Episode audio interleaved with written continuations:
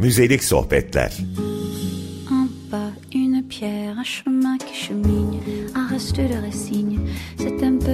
Kültür ve insana dair müze odaklı konuşmalar.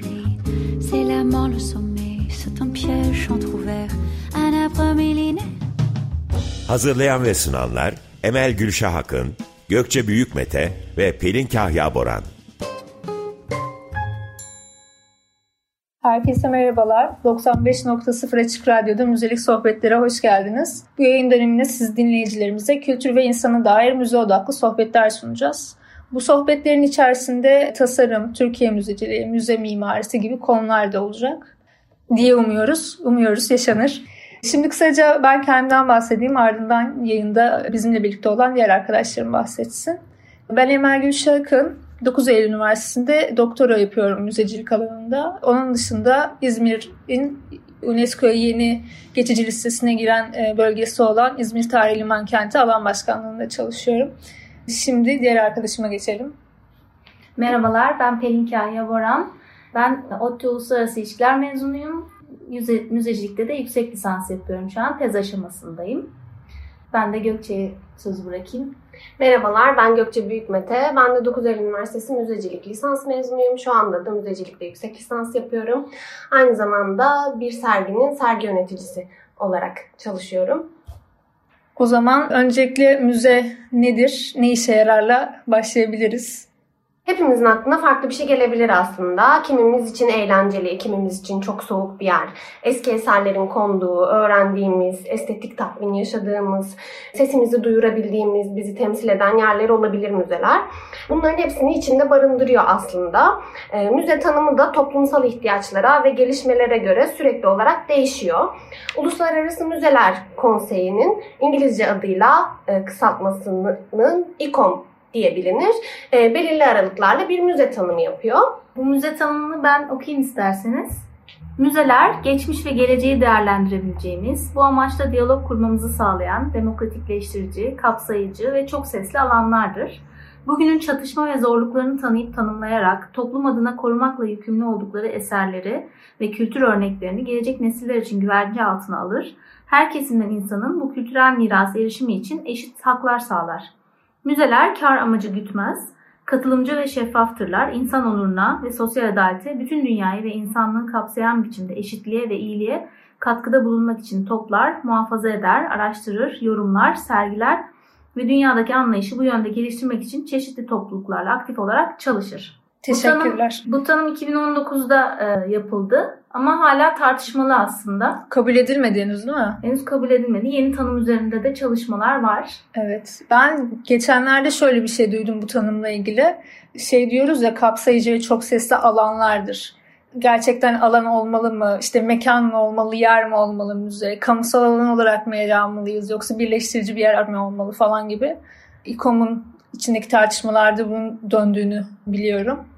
Böyle arada İKOM üyelerine mail yolluyorlar. İşte bu kavramlardan hangileri olmalı, hangileri olmamalı gibi. Ama içinde bulunduğumuz süreçte bence bu kavramları an be an değişiyor artık. Hani birinin kapsayıcı olmaktan çıkması bir olay meselesi sadece. Her an değişebiliyor. Sabit bir İKOM tanımı görecek miyiz acaba bilmiyorum. Ama belki de şey yapabiliriz. Bizler için müze nedir onu konuşabiliriz. İsterseniz ben başlayayım önce. Müze benim için aslında biraz daha psikolojik kökenleri olan bir şey. İnsanın kendisini anlatmasıyla ya da insanın kendisini anlamasıyla ilişkili olduğunu düşünüyorum müzenin. Çünkü hani kendimizi anlatmak için sürekli nesneler kullanıyoruz farkında olarak ya da olmayarak. İşte saç rengimiz kendimizi ifade ediyor, giydiğimiz tişört kendimizi ifade ediyor. En ufak bir ne bileyim taktığın rozet bile kişinin kendisini ifade ediyor. Müzede aslında birilerinin kendini ifade ederken kullandığı nesnelerin toplandığı ve sergilendiği, korunduğu da mekanlar olarak görebiliyorum ben. İnsanların günümüze kadar yapmış olduğu nesneler, sanat ürünleri, buluşlar ve bunların hepsinin sergilendiği eğitimin bir parçası olan kamusal bir alan yaratıp insanların günlük yaşamının bir parçası olduğu kompleksler aslında müzeler. Bu yüzden kısaca belki de bu kadar konuştuktan sonra kısaca devam. Ee, insanın kendini anlama macerasının günlük yaşamada entegre olduğu, girdiği bir alan olarak belki de müze diyebilirim. Yani güzel müzeler ya. Pelin sen, senin için müze ne? Ben de e, hep yani bu soruyu sorduğum zaman kendime toplumsal rollerinin ön plana çıktığını fark ettim müzelerin. Benim için müzeler toplum inşasında önemli mekanlar. Burada da mekan yer tabii. Evet. Mekan olarak şu an söyleyeyim ama aslında kültürü de şekillendiren, modernizmin özellikle önemli bir aracı olarak tarihsel olarak ortaya çıkmış. Yani tarihsel olarak rolleri, toplumsal rolleri benim çok ilgimi çekiyor. Gökçe peki senin için müze ne? Ya şey lütfen şey deme bina falan diye. Aslında benim için müze de sizin ikinizin de e, söylediklerinden böyle içinden toplayıp aldığım şeyler olabilir. Ya ben de şu noktada müzenin e, toplumsal rollerinin, daha sosyal rollerinin benim için önemli olduğunu düşünüyorum ve benim için müze gerçekten tanımda da bahsettiğimiz gibi kapsayıcı, çok sesli, yani insanların özellikle bu kadar aidiyet duygusunun azaldığı, temsil edilmenin azaldığı dönemlerdeyken bu insanlar için bir temsil alanı olması ve e, belirli aidiyetliklerinin olabileceği yerler olduğunu düşünüyorum. E, ama aynı zamanda senin dediğin gibi onlar için ifade alanı ve nesnelerle bu ifade yapılıyor. Bu müze tanımında da hani hem nesne koruma odaklanma hem de aynı zamanda toplumsal roller. Bu ikisinin dengesinin oluşturulduğu, yani nesneleri bir kenara atmadan ama hikayeleri de hiçbir şekilde bir kenara atmadan. E, asıl kuvvet çünkü oradan geliyor bence müzelerde. Nesneyle o somutlukla o hikayeyi yansıtabilmek o dönüştürücülüğü aslında sağlıyor. O yüzden benim için müze nesneyle hikayeleri, gösteren, anlatan, bunları eğitim için kullanan, temsil için kullanan ve toplumun yararına olan bir alan. İ- İkonun tanımını oldukça yakın bir tanım aldık Gökçe'den. Şey deyince e, insanların kendilerini temsil edilmeleri ve işte görmeleri deyince aklıma şey geldi. İzmir Etnografya Müzesi'ne ilk geldiğimde bir bakayım dedim. İşte şey var benim babaannemin hala kullandığı oklavalar, ne denir ona, o hamurların açıldığı şeyler falan görüyorum ya da ne bileyim benim babaannem koyundan topladığı yünlerle kendisi şey yapardı, ip eğirirdi. Onların kullanıldığı malzemeler falan var ve bana çok şey gelmişti gördüğümde. E tamam hala kullanılıyor bunlar. Niye bu kadar şaşırıyor ki insanlar bunun sergilenecek ne unsuru var falan diye. Sonradan öğrendim ki çok şey bilmiyormuş. Herkes bizim gibi köyden yaşamıyormuş. ya tabii köy olayı bir yana hani insanın kendi dünyasının içerisinde çok tanıdık olan nesneler aslında farklı bir bağlamda anlatıldığında gösterildiğinde çok daha farklı şeyleri ifade ediyor ve hani bunu fark etmek muhtemelen müzeciliğin bana kattığı şeylerden bir tanesi. Bir de aklıma şey geldi az önce konuşurken müzecilikle ilgili. Bu yeni bir sergi açıldı yakınlarda bir anıyla ilgili Diyarbakır'da. Ahmet Güneştekin'in evet. sergisi. Anı ve işte ifade deyince, nesne deyince aklımda şu sıralar gündemde olmasından dolayı ona gitti. Çünkü şu an inanılmaz bir e, bu konu üzerine hafıza mekanı olması üzerine de konular e, tartışılmakta. Gerçi hafızadan da bahsedeceğiz ilerleyen bölümlerde ama bununla ilgili söylemek istediğiniz bir şey var mıdır merak ediyorum. Çünkü herkesin fikri bu konuda çok farklı. Ve işte tabutların farklı renkte boyanmış olması, işte oraya katılan ünlülerin farklı pozlarla, işte hafif gülümseyen ifadelerle şey yapmaları ya da öldürülmüş olan insanların isimlerinin renkli sokak tabelalarına konulmuş olmaları ve sergilenmeleri. Yani protest sanat da sanat ama yani hassas konularda e, sergileme yapmak ya da bir e, sanat ürünü ortaya çıkarmak o kadar kolay olmuyor. Yani anıt aslında orası hı hı. ve bir e, anıtı böyle dönüştürmek çok daha kolay bir iş değil diye düşünüyorum ben. Sonuçta hafıza mekanı ve bir e, anıt. O yüzden oradaki yaşanmışlıkları, oradaki işte hikayeleri, oradaki insanların o bölgeye nasıl baktığını biraz dikkate alarak bir şeyler yapmak gerekiyor herhalde diye düşünüyorum. Evet. Bir müzik arası verelim isterseniz. Çaldığımız şarkı, daha doğrusu çalacağımız şarkı Alexandria adlı. Aklımıza aslında ilk müze kütüphane olan İskenderiye'den geldi. Keyifli dinlemeler. Tekrar merhaba sevgili dinleyenler. Açık Radyo 95.0'da müzelik sohbetlerle devam ediyoruz. Ee, az önce biraz ağır konulardan bahsettik ama Ben son olarak bu anılara bir şey daha eklemek istiyorum. Belki biraz özet olur. Yani e, sırf anıtlarda değil aslında bu hissetme, o kurallar bütünü. E, müzede sergilenen eserlerin temasına, o müzenin e, sergisinin ne anlattığına göre de doğaldan bir e, yüklenmiş kurallar bütünü geliyor aslında. Yani bu tamamen es, eserin kendisinin yarattığı ya da anlatın kendisinin yarattığı bir alan. O arkasındaki hikayelerin, o toplumsal birikimin yarattığı bir alan. Ya ben mesela modern sanat sergilerine girdiğimde o yabancılığı yaşıyorum. Anlamıyorum çünkü soyut figüratif eserler aman ya Rabbim şimdi burada bu şey gibi lisede edebiyat derslerinde şair burada ne anlatmak istemiştir muhabbeti gibi böyle bakıyorum. Şimdi soyut figüratif eser tamam çok güzel. Bunu yaratan kişi de muhakkak bir anlam vererek yarattı bunu ama benim almam gereken anlamda o anlam aynı mı? Eser amacını yerine getiriyor mu? Ben eserin amacını yerine getirmesine yardımcı oluyor muyum acaba diye böyle çok gereksiz gerilimlere kapılıyorum. Ama bunların hepsini konuşacağız zaten. Devam edelim. Şimdi şey demek istiyorum biraz komik olacak ama Gökçe sen bu işin lisansını okudun. Yeni müzecilik ve müzeoloji kavramlarına da biraz değinelim istiyorum. Çünkü bize göre müze nedir dedik. 2019'daki tanımdan bahsettik. Bir de e, şimdi müzeyle ve müzecilikle ilgili her yeni kaynağa baktığımızda yeni müzecilik kavramını görüyoruz. Hatta belki de onun müzecilik 2.0 bile denilebilir bu e, şey endüstri deyimiyle. E, bundan ve müzeolojiden biraz bahsedelim. Sen bir giriş yapar mısın? Yani yeni müzecilik kavramına giriş aslında giriş yaptık.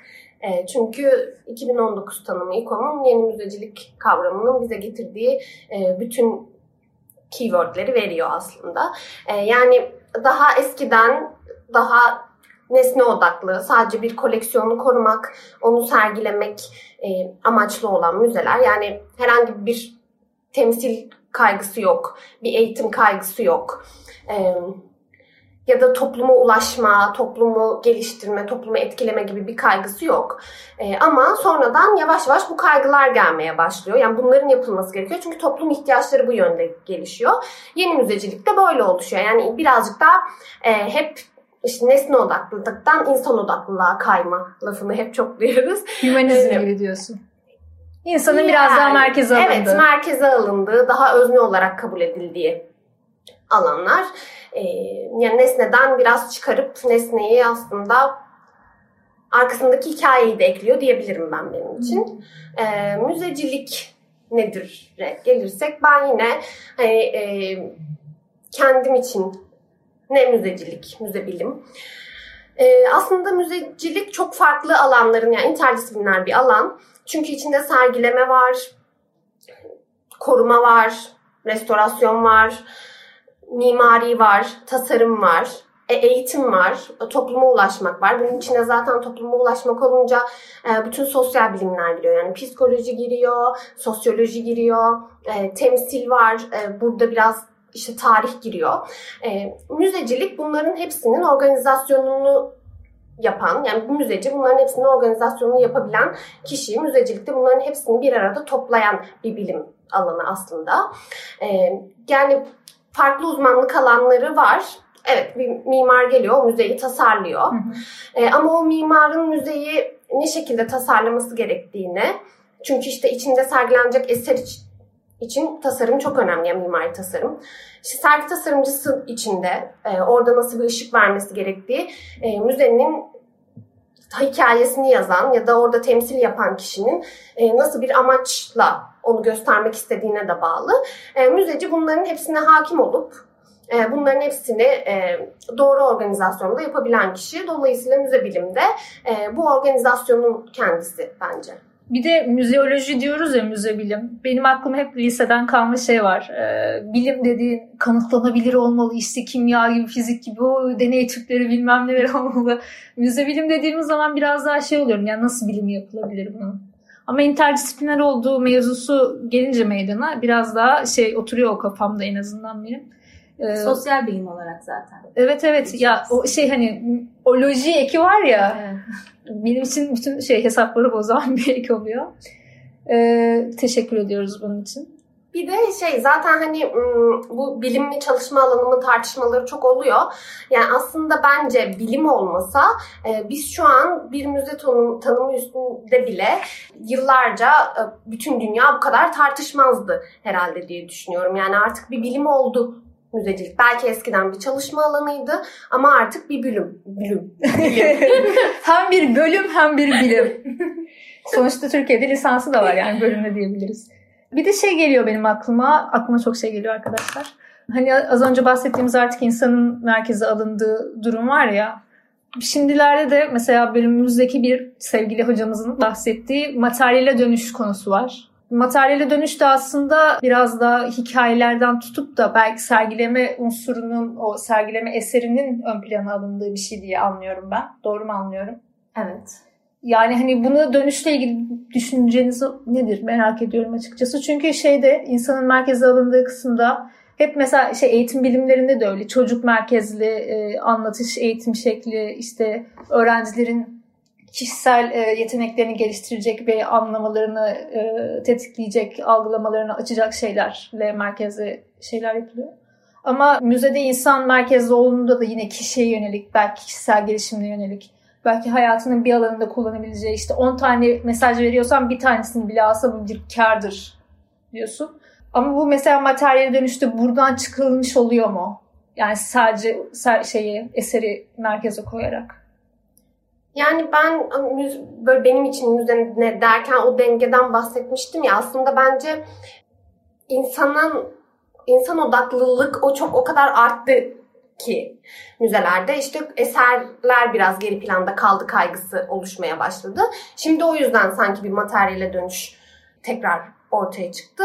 Bu sefer de e, o zaman şey olacak hikayeler mi yani insan odaklılıktan mı uzaklaşacağız gibi bir döngüye giriyor burada Aynen. ama e, asıl önemli olan bu denk. Çünkü müzenin temeli koleksiyon zaten. Yani sen eserin olmadan e, bir müze olamazsın benim için. E, senin o hikayeyi düzgün bir şekilde yansıtabilmen, yani oradaki amacını gösterebilmen, o insan odaklılıktaki amacını yapabilmen için de nesne gerekli.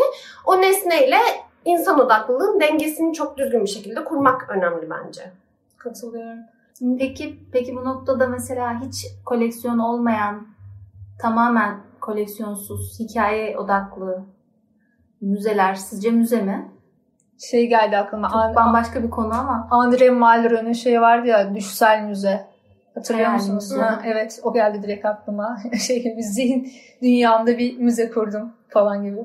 Hiç ya da mesela bu şey e, nesne odaklı müzede hani nesnenin kendisinin orijinal kopya olması konusu. Bunların aslında hepsi bambaşka başlıklar ama e, bu buradan aslında bu, bu sorular da çıkıyor. Evet mesela bu konuyla ilgili bu kopya konusuyla ilgili daha bugün bir makale okudum bu NFT'ler var ya alınıp satılabilen dijital paralar, dijital e, değer unsurları, non-fungible tokens diye geçiyor sanırım.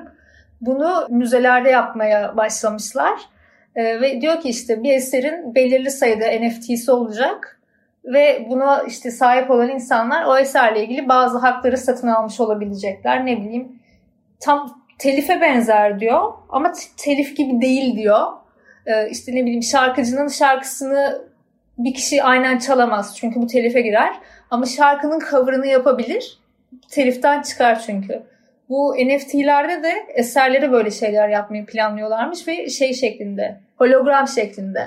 Eserin görselinden ziyade 3 boyutlu holografik halini NFT olarak e, kullandırmayı planlıyorlarmış.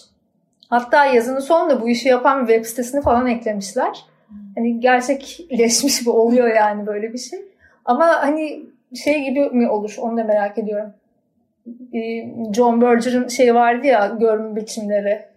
O orada bahsettiği işte Mona Lisa'nın fotoğrafı çoğalmaya başladığında Mona Lisa hiçbir değerini yitirmedi. Ama aslında artık birkaç kişinin ulaşabildiği bir sanat eseri, herkesin ulaşabildiği bir sanat eserine dönüştü diye. Bu NFT'lerde de bu tarz bir şey olur mu acaba? Burada dijitalleşme işte zaten devreye giriyor. Dijitalleşmenin getirdiği bir sonuç bu kopya meselesi çok daha eskiye fotoğrafa kadar dayanıyor Hı-hı. belki ama e, şu an dijitalleşme bu kadar ilerlemişken bu soruların hepsi aslında orijinal nesneyi de değerli hale getiriyor bence. Kesinlikle. E, belki de bu yüzden hani o dönüş, materyale dönüş dediğimiz şey yaşanıyor. Çünkü bir tarafta e, orijinal de nesne orada duruyor.